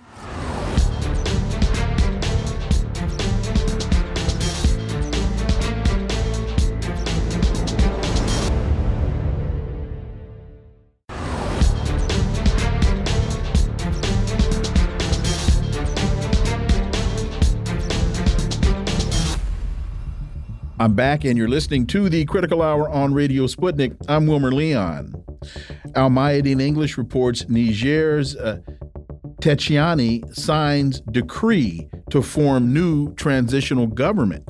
The new interim government consists of 21 ministers, and per the list of new government members, a wide minority of them are in the military ranks. It doesn't sound like Victoria Nuland's visit to Niger put the fear of God into anybody. For insight into this, let's turn to my next guest. He holds the John J. and Rebecca Moores Chair of History and African American Studies at the University of Houston, one of the most prolific writers of our time. His latest book is entitled Revolting Capital Racism and Radicalism in Washington, D.C., 1900 to 2000. Dr. Gerald Horne, as always, welcome back. Thank you for inviting me. According to the Actu Niger News, today, Niger's General Abdur Ahmani Tchiani has signed a decree to form a new transitional government. Western backed ECOWAS gave the coup leaders a one week deadline, which ended last Sunday, to surrender to the bloc's terms or else face a military operation. That deadline has come and gone as has Victoria Nuland. Literally, she came and went, and seemingly to no avail. Dr. Gerald Horne, your thoughts, sir? Well, I would say that the crisis continues. Mm -hmm. I would say that this uh, newly formed government is dominated by the military. Uh, Victoria Nuland, the U.S. official, would probably argue and complain that it does not comport with the Niger Constitution. Interestingly enough, on the front page of the Wall Street Journal today is a lengthy article about one of the leaders of this new government in Niamey. I'm speaking of General Barmou, who actually lived in Washington, D.C., of all places, for a while, uh, studying at the National Defense University, which, as you know, uh, sits alongside the Potomac River and speaks English fluently. But they thought he was, quote, their guy, unquote. Apparently, that's not the case. But that needs to be watched because certainly uh, Washington and the North Atlantic countries have not given up with regard to controlling Niger. They will probably seek to circulate rumors about General Barmus, suggesting that he is playing a double game and still is in the pocket of the Yankees. I noted with interest the fact that a new insurgency is about to be launched, in fact, launched publicly of all things, uh, in Niger, uh, which is quite curious. Uh, I would not be surprised if the U.S. CIA was somehow complicit in that. Uh, as we speak, the Economic Community of West African States is meeting in Abuja, Nigeria, and there are those who suggest that despite the protestation, there still could be an ECOWAS military intervention, which I think would be quite disastrous and would, if nothing else, emulate the intervention in Libya uh, a decade or more ago, which helped to set in motion uh, these tumultuous events in Niger as we speak. Because Washington and the North Atlantic countries, they still lust after Niger uranium. They still desire the possibility of a pipeline being built from Nigeria through Niger to Algeria into southern Europe. Uh, this is a response to their need for natural gas pumped through that pipeline because of their escapade in Ukraine, which has led to a boycott of Russian natural gas. And then there's the question of airspace. If you look at your map, you'll see that Nigeria, the economic giant of the continent, lies adjacent to Niger. Uh, planes uh, heading from Europe uh, to uh, Nigeria inevitably have to go through Niger airspace, which is now closed. Uh, this is causing airlines to pay more for fuel, passengers to pay more for tickets, not to mention the damage it is doing with regard to the climate. In any case, uh, I think that Washington's plate is full. Uh, Washington would be well advised to try to extricate itself from the morass it finds itself in Ukraine. Washington, as we know, is ratcheting up tensions uh, with the People's Republic of China. There's the recent announcement by the White House that there will be an attempt to stymie U.S. investment in high tech in China, a reversal of a half century long policy which helped to build China into the giant that it now is. There were these alarmist reports about Chinese and Russian vessels off the coast of Alaska, which set off alarm bells uh, in the White House. And so Washington has a full plate, and why it wants to add to its problems by creating another brush fire in Niger uh, is beyond me. And then there's the question of Africa itself. Recall that during the era of decolonization in the early 1960s and just before, Africa had split into two blocks the so called Casablanca bloc, led by Kwame Nkrumah of Ghana and Sekou Toure of Guinea, and Monrovia bloc, yeah, led by the placeman, the cat's paw of U.S. imperialism, speaking of Liberia. With these events on the African continent today, you see that Africa again is splitting. And as was the case 60 odd years ago with the Casablanca versus Monrovia uh, set to, you see that U.S. and North Atlantic interference is now leading to another split with Burkina Faso and Mali and Mauritania and Guinea Conakry and Algeria, amongst others, uh, backing Niger, the new regime, and ECOWAS, led by Nigeria, uh, is taking the opposite position. And speaking of Nigeria, recall that we spoke a few days ago about the escalating problems of the recently installed president Tinubu. Well, these problems are continuing. There's an ongoing court case. In fact, do not be surprised if somehow he is removed from office because of his various peccadillos and misdeeds. And so we can fairly say that in Niger, the crisis continues, but likewise, so does the interference of the North Atlantic bloc. To your reference to the Wall Street Journal, uh, they they have a piece entitled "At the Center of Niger's Coup is one of America's favorite generals," and they say American military commanders are dismayed.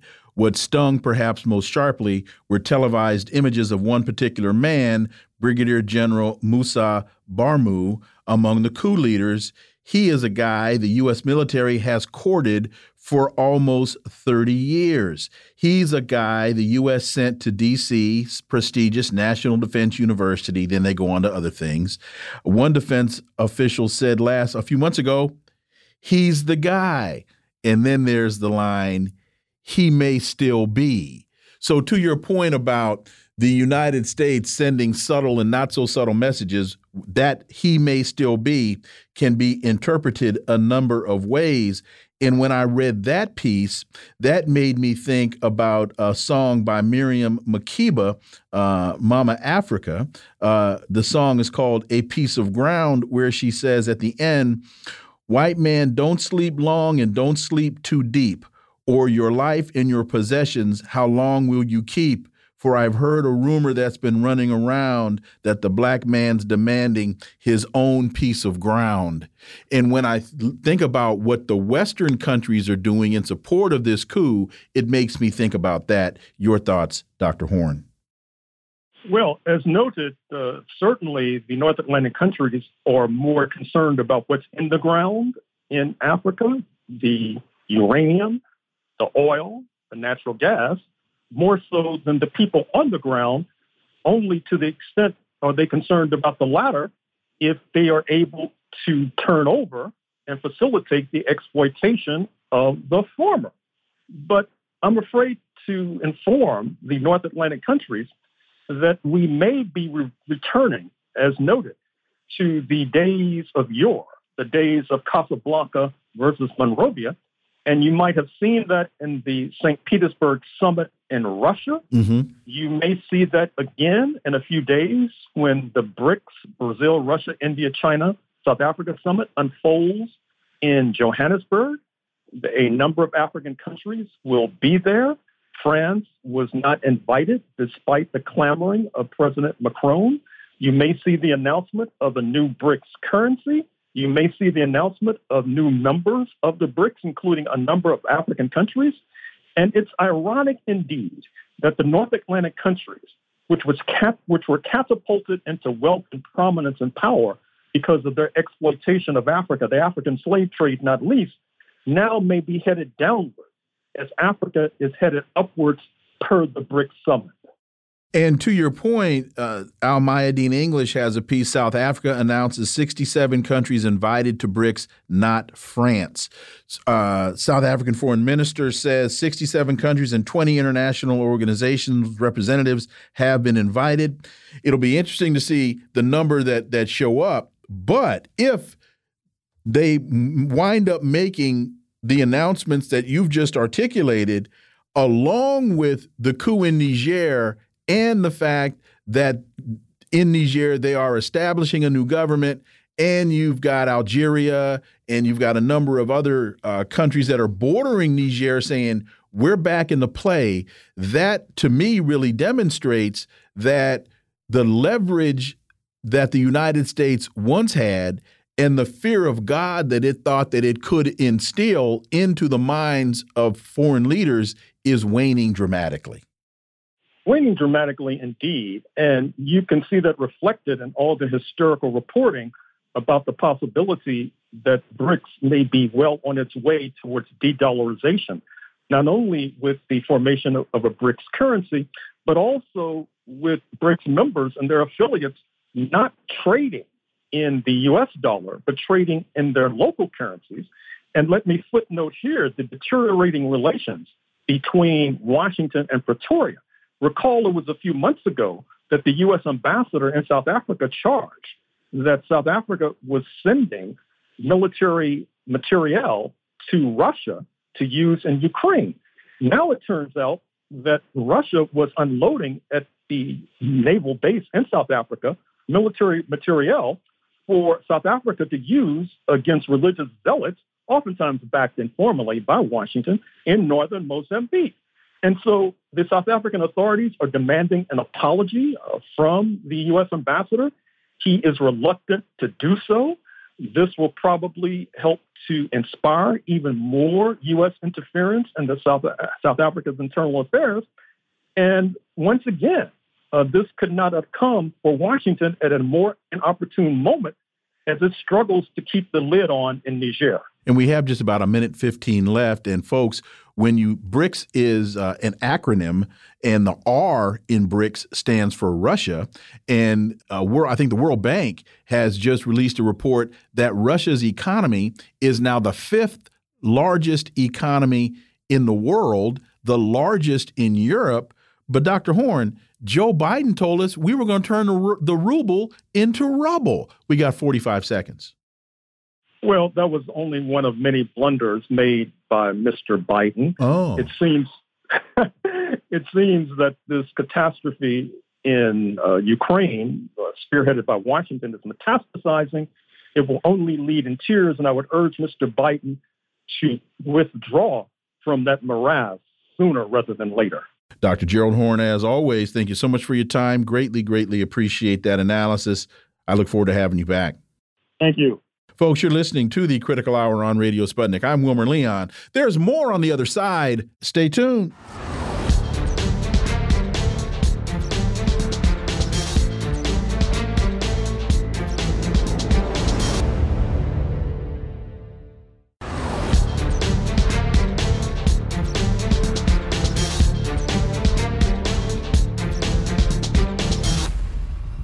I'm back, and you're listening to the Critical Hour on Radio Sputnik. I'm Wilmer Leon. The Washington Post reports Ecuadorian presidential candidate assassinated at campaign rally. Fernando Villavicencio, an Ecuadorian presidential candidate who vowed to crack down on drug trafficking, was assassinated by a gunman at a political rally in Quito uh, last night, less than two weeks before the country's elections. Uh, what signals does this send? Well, for insight, let's turn to my next guest. He's an independent journalist, political analyst, and reporter for RT. Caleb Maupin. As always, Caleb, welcome back. Sure. Glad to be here as always. So he was a member of Ecuador's National Assembly before it was dissolved in May. He was among several leading candidates in the first round of voting. Uh, that's uh, to take that on August 20th to succeed uh, President Lasso. Shot multiple times as he left a rally at a high school in northern Quito. Caleb Maupin, your thoughts? Well, uh, the first thing that comes to mind is that this is a, a, blatant act of what you would call terrorism. I mean, the word terrorism uh, it goes back to uh, coming out of the French Revolution. There were various political currents that sought to achieve their political ends by carrying out very dramatic public acts of violence, including assassination. And uh, it appears that terrorist forces uh, targeted this individual. What's important is that the left-wing candidate, uh, who is running on a platform of you know moving back toward the policies of Correa and 21st century socialism, uh, she has come out and fully, unequivocally condemned uh, this act. Even though she disagreed with the candidate who was killed, she, she fully condemned it and said this is not the way forward. And that uh, you know, as you pointed out, I mean, this is a candidate uh, who has was calling for a crackdown on the drug cartels. And the drug cartels, they are uh, a horror that has been inflicted on South and Central America by the policies of the United States. Uh, you know, during the 1980s, the U.S. government was funneling weapons and guns to these people, was looking the other way as they were bringing cocaine into the United States, all to fight against the rise of socialism in Nicaragua and El Salvador and, and in Colombia against the FARC. Uh, and as a result of U.S. foreign policy and, and U.S. efforts to basically foment drug cartels and drug dealing criminal organizations as a barrier against communism, uh, that region, you know, all the way from Mexico down to the, the southern cone, Argentina and Chile, uh, they have had to deal with these horrendous narco gangs, these criminal organizations. And they're using high, high grade, high tech weapons and they rule over people. And one of the most promising developments we've seen in the last decade in, in South and Central America has been the development of these kind of vigilante groups, you know, villages, communities coming together and saying, we don't like these drug gangs and we're going to form some kind of community self-defense uh, groups to to protect our communities from them. Uh, and that's been an important development. And it appears that this candidate was appealing to the population of Ecuador and their resentment against the drug cartels uh, and, and how people live in fear and how these gangs assassinate people on the streets and, and target people. And so these gangs decided to, uh, you know, make an example out of him and, and demonstrate their terrorist methods. And they killed him. I mean, that's, that seems to be the case. I mean, I'm sure more facts will come out. Uh, and that that's horrendous. And I mean, terrorism must always be condemned. This was an act of terrorism when we look at what's happening in the neighboring country of Peru, uh, the United States is is sent. We know that there was a an election there. We know that there was a coup. We know that the United States is sending the forces in to protect the uh, the coup plotters in in Peru. So now there seems to be even more instability in in those two neighboring countries. Sure. Well, uh, Pedro Castillo, you know, he took office uh, he was a, a leftist, uh, and he took office. Uh, you know, uh, it was a, a, quite a big development, and he had ties to indigenous movements. He had ties to the dramatic left. He appointed a foreign minister uh, who was from the Communist Party of, of, Peru and had sympathy with the Communist Party. and the foreign minister pointed out that, that, it was likely there was CIA involvement with the, the Shining Path and Sendero Luminoso and his you know his uh, his administration was forced to drop the foreign minister that they wanted because he was an anti-imperialist and a leftist, and because he he pointed to you know truths about foreign policy and, and questions about about Peru's history and U.S. involvement with extremist organizations. Uh, and from then then on, I mean, the Peruvian you know the Peruvian government seemed to be after Pedro Castillo, accusing him of corruption, and then I mean that all culminated in him being you know not only removed from office uh, but taken to jail. Uh, and so, you know, this man who was elected in a kind of a dramatic turnaround uh, is now is now in jail. Um, and you know, if you look at Peruvian politics, it's like, and it's the same with Brazil, and it's the same with a lot of countries in South America. The United States, it's like, you know, the United States is trying to push back against Russia and China's influence. But Russia and China's influence in that region is so dramatic and so effective on either side of the political spectrum right? The United States didn't like Bolsonaro, but the United States didn't like Lula da Silva. And, you know, and then now Lula da Silva's back, uh, you know, and they don't like him again. I mean, it's like that, that if you're a, a strategic person speaking in the economic interest of South America, you're going to do business with, with Russia and China. And, you know, the United States for a long time has aligned itself with the hard right. Um, but it appeared that the hard right, including like, you know, the daughter of Fujimori, the former dictator of Peru, they were moving in kind of a nationalist direction and they wanted to do business with Russia and China. So the United States pivoted to supporting some of the, the leftist forces, playing up the environmentalism, the fear of climate change. You know, may, maybe we don't need a war on drugs, et cetera. Um, but then, you know, you get Pedro Castillo. He gets in there and he's pivoting to, to be friendlier to Russia and China. So they, they remove him. I mean, it's like they can't win. Uh, you know, the Cold War, the rules during the Cold War was the, the hard left were the communists. They were with the Soviets. The United States was with the hard right wing. Now, the question is do you want independent economic development for countries in the third world that have been historically impoverished? Russia and China want that, and people of the of the left and people of the right want that as well. And there are people on the right and people on the left in South America, just like in Africa and other parts of the developing world. There are people of different ideologies who uh, align with the United States also. So it's it's not as clear cut and ideological. And I think that's what people looking at this, if, uh, you know, from our American perspective, when we look at at the polarization in South and Central America, we need to understand it in this context. That the Cold War understanding of politics in that region, you just completely chuck it, just completely forget it, because you know we're not in that game at all anymore. Orinoco Tribune has a story which I found to be really surprising. Portugal's Novo Banco ordered to return $1.5 billion to Venezuela.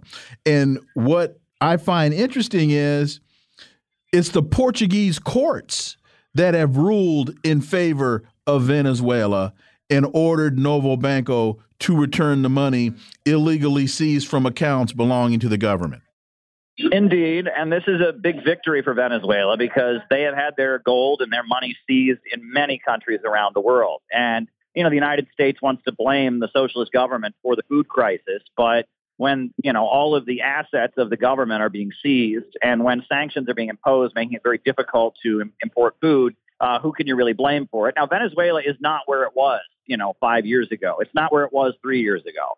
And then the Maduro government has really kind of turned things around. There was a moment where Venezuela was really on the edge, where people didn't have food, where it looked like the government might be overthrown. That moment, you know, started with the escalation that Obama, you know, imposed uh, right after Hugo Chavez's death. And then it continued under the Trump administration. And then there was the, you know, the food caravan that was lit on fire. And you had, you know, you had Mike Pompeo uh, and Elliott Abrams and, and, you know, John Bolton really hoping that they could seize that moment and intervene and invade Venezuela. But they just weren't able to pull it off. Um, Europe wasn't on board. Donald Trump apparently told uh, his staff, you know, I'm bored. I'm tired of talking about Venezuela. It's boring. Uh, and the USA just wasn't able to move in. And then since then, since that kind of climax of, of you know crushing Venezuela, Venezuela has gotten more and more stable and seen a lot of improvements. Many of the people who fled Venezuela, uh, the refugees, are returning to Venezuela uh, at this at this point and saying that actually, you know, you know, things in Venezuela during that moment were particularly bad. Yes, but when they got to Colombia, uh, they were treated as you know they were treated as second class citizens, you know, guest workers, and that you know, as, bad as things were in Venezuela, they'd rather be in Venezuela than, than be, you know, refugees living in Colombia. Uh, and that uh, things in Venezuela have been improving. Now, the other thing to, that's important to mention is that the Biden administration, let's remember, you know, Trump focused on opposing Venezuela and opposing Iran, but he wasn't as hawkish against uh, Russia. Whereas the Biden administration, it seems like they are focused on isolating Russia, and that has meant to some degree or other, to a very, very limited degree, nothing like what happened during the Obama administration. But to a limited degree, they have been willing to to you know de-escalate with Iran and with Venezuela uh, in the hopes that they can you know pull Iran and Venezuela a little bit further away from Russia and China. And you know the fact that uh, the USA no longer considers Juan Guaido the president of Venezuela that's pretty dramatic. Uh, that's a pretty dramatic shift. Um, and it appears that some Venezuelan oil is is headed to the United States, which is you know also a little bit of a shift, and that's related to Russia being pushed off the international oil market. So you know the Biden administration, I think they they want to pivot toward friendliness with Iran and Venezuela and trying to mobilize the world to isolate Russia. You know the Trump administration was close to Israel, uh, the, net, the Likud wing of Israel, uh, the you know the Shahs of Sunset Park, the uh, you know the exile community of Iranians in California and the Miami Cuban crowd, and they were pandering to them. And uh, there's a different different constituencies for the Biden administration. So that's we have to keep that in context as well. Orinoco Tribune also has a piece: uh, "War in Africa and War in the Americas: Accelerating the End of White World Supremacy." Uh, I think that might be a bit optimistic, but I will say that the conflicts that we're starting to see playing out, and we can also talk about the BRICS meeting that's about to take place in South Africa, where France is not allowed uh, to come, and I think 67 countries want to join BRICS. There's an awful lot of shifting of the geopolitical landscape. Indeed. I mean, you look at Russia's dramatic Africa pivot, uh, the BRICS, uh, and, and what's happening there. And I mean, it seems like uh, the efforts by the United States to go in and isolate Russia from the world in the light of the escalation in Ukraine have failed.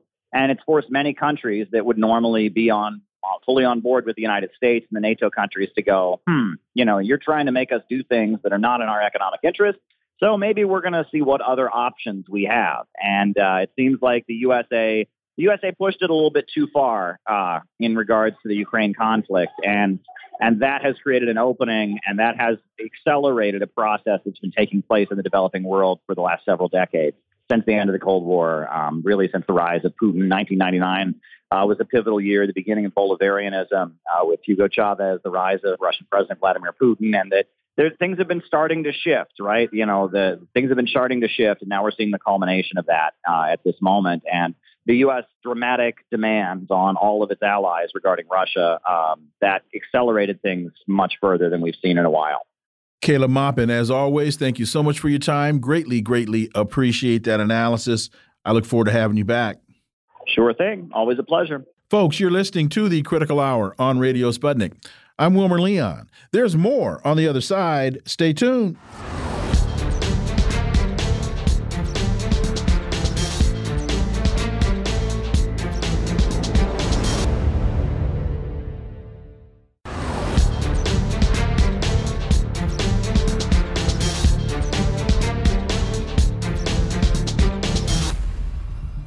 I'm back, and you're listening to the Critical Hour on Radio Sputnik.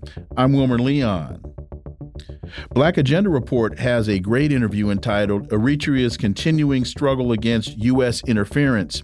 And in this interview, Margaret Kimberley and her guest discuss Eritrea's continued struggle for sovereignty in the wake of punishing sanctions and the continued effort to destabilize the nation.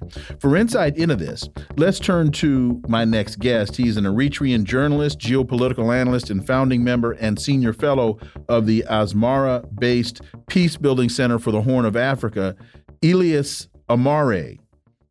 Thank you for inviting me. Thank you very much. So, uh, Eritrea is facing very debilitating sanctions by the United States.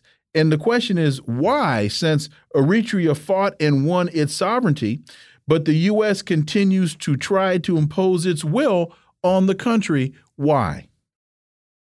Why? Because uh, Eritrea wants to chart its own uh, independent political uh, line and economic development path.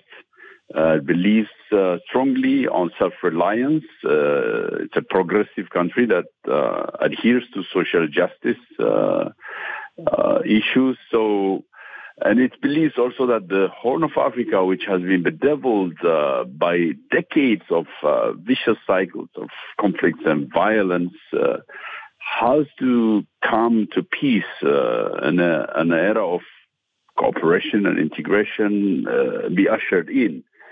Uh, but the global hegemon, the United States government, does not like this. It wants to control this strategic uh, region, the Horn of Africa, and the Red Sea waterways, uh, through which, uh, you know, over 10% of global oil flows. Eritrea is in control of uh, the southern part of the Red Sea, in particular the uh, uh the Bab el Mandeb uh, mm-hmm. Strait. Uh, so that location makes Eritrea, as my good old friend, uh, the late and great Glen Ford used to say, whenever you are designated as a strategic location, that means you are in the crosshair of uh, the global hegemon.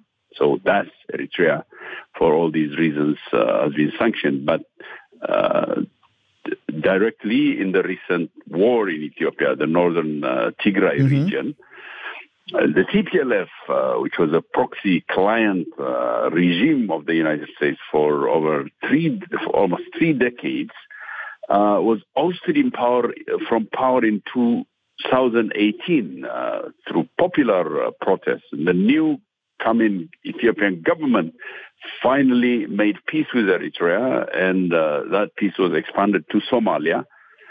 So uh, the TPLF client uh, ethno-fascist uh, minority junta was pushed to instigate another vicious cycle of conflict against Ethiopia and Eritrea. And because the two governments collaborated to crush uh, this, uh, you know, uh, violent minority secessionist regime in the northern part of Ethiopia called Tigray, uh, the U.S. did not like this. Uh, it tried to, you know, continue the, the, crisis, enlarge the crisis for two years. Finally, the TPLF was defeated and forced to sign cessation of hostilities uh, agreement with the Ethiopian government. Uh, now, Eritrea was punished for defending itself uh, because, you know, it saw the danger of uh, the the conflict uh, the conflagration ex- expanding through the Horn of Africa region, a very volatile region, and cooperated with the Ethiopian government to contain the TPLF. This was not to the liking mm. of the United mm-hmm. States, and thus Eritrea was put once again under the baby killer sanctions, as I prefer to call them. I say to the audience all the time when we're having these types of conversations, I suggest that people take a look at a map because when you when you take a look at a map, you get an opportunity to understand the relationship between other things, such as you mentioned the Bab el Mandab Strait. On the other side from uh, Eritrea of the Bab el Mandab Strait is the country of Yemen, and it's it's not an it, it it's not an accident that there's also a war going on in Yemen because right above Yemen is Saudi Arabia. So the oil from Saudi Arabia flows from the Red Sea through the Bab el Mandab Strait to the Gulf of Aden. And the United States, and if I'm wrong here, sir, please correct me, the, the United States cannot imagine an independent government of Eritrea on one side of the strait and an independent government in Yemen on the other side of the strait because then the United States loses control of that very important waterway. Is that is that fair to say? Yes, it's fair to say, and uh, the United States also has uh, its largest military base in Africa, uh, in the tiny city state of mm-hmm, Djibouti, mm -hmm, mm -hmm. right, uh, right by that choke point, uh, Bab el Mandeb. Yes to the south of uh, southeast of Eritrea and to the east of Ethiopia. Uh, so, you know, at Camp Lemonnier, there's uh, there are over 4,500 U.S. soldiers expanding AFRICOM, the Africa Command, uh, and that region being vital, uh, you know, resource of oil coming from the Gulf of uh, the, the Arabian Peninsula, and you've cited Yemen. Uh, the conflict in Yemen also had somewhat uh, to do with the rivalry between Saudi Arabia and Iran, which now has, by the way, been resolved through mediation by the mm-hmm. Chinese. And so this is increasingly worrying the United States. Uh, the United States worrying, of course, uh, global uh, rivalry with China. China is, uh, you know, investing major, major investment in that region. And so for this reason, uh, Eritrea's uh, independent stance is not to the liking of, of uh, the U.S. government, and thus it has been put under this, uh, you know, uh, killer sanctions. There are a number of Eritrean festivals that have been taking place around the world. There's a there was a festival in Sweden, a festival in, in Toronto, uh, and individuals that are coming to the festival. It's it's being reported that they're they're coming under attack. Uh, Germany, Sweden, Canada. What what's going on here with Eritreans being attacked at these festivals? Well, uh, a small group of disruptors, uh, really uh, recruits of the ethno-fascist TPLF from Tigray, which has, as, as I mentioned earlier, lost the recent mm -hmm. war, have still not reconciled themselves to to the newly emerging peace in the region.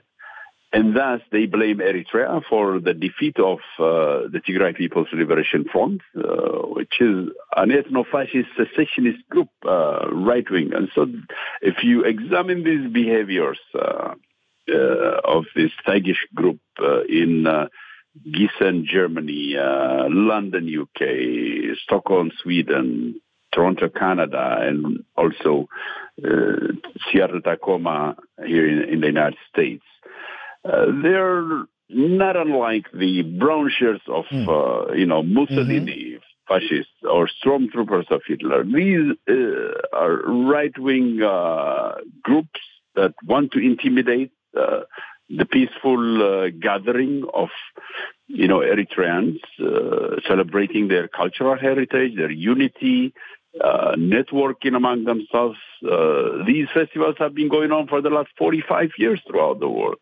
Uh, and this, uh, by the way, Eritrean diaspora is uh, significant when you compare it to the, the, population base of Eritrea, which is 5 million.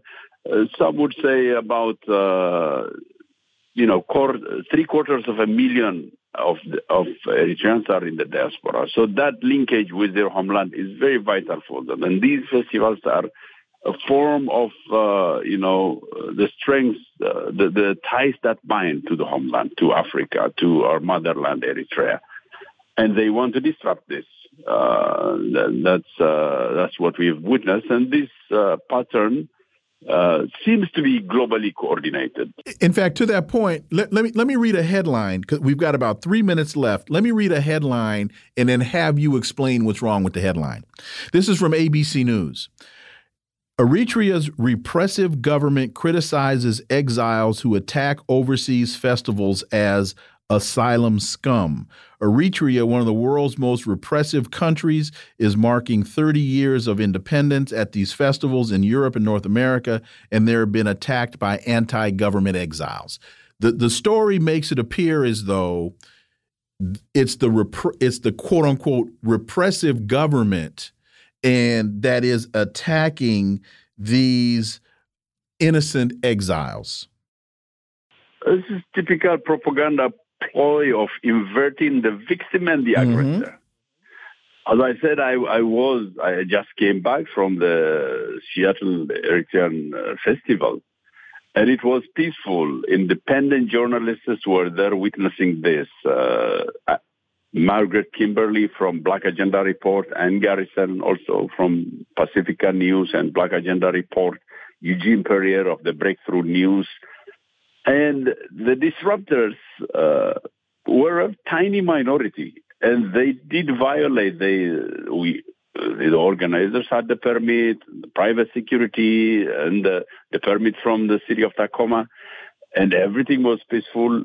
Yet the media inverts the victim and the aggressor. Uh, the aggressors, the thuggish, uh, uh, violent uh, attackers become victims, uh, and, and uh, that, that's what I can say about this mm-hmm. headline. Mm-hmm. But the truth is to the contrary. thousands of people peacefully gathered. These are peaceful citizens of the United States, tax-paying citizens, hardworking people celebrating their cultural heritage, uh, networking among themselves, uh, music concerts, professional associations uh, uh giving lectures and seminars, doing fundraising to help uh, the people back home. For example, at the Seattle Festival, a report a continuation of uh, fundraising for cancer treatment in Eritrea to to to buy equipment for cancer treatment uh, was going on, uh, and these uh, the Tagish uh, disruptors uh, were extremely okay. violent and injured several people. that that that is, in a nutshell, what, what has been happening globally. And and 15 seconds is is there any indication that the United States is behind any of these disruptors? Well, I must say that uh, this is too sophisticated an, an operation for uh, these Tagish disruptors. Uh, there, there seems to be global coordination. Okay. There is media coordination also spinning it, and I can say that there are uh, there are bigger hands uh, than small uh, group of disruptors. Elias Amare, thank you so much for your time. Greatly appreciate it. Look forward to having you back. Dr. Leon, thank you. I always uh, listen to the Critical Hour and learn a great deal from your program. Thank you for inviting me. Thank you. We look forward to having you back. Folks, you've been listening to the Critical Hour here on Radio Sputnik. Thank you for allowing my voice into your space, and I hope you were informed and enlightened. And I look forward to talking with you all right here tomorrow on Radio Sputnik. Be safe. Peace and blessings. I'm out.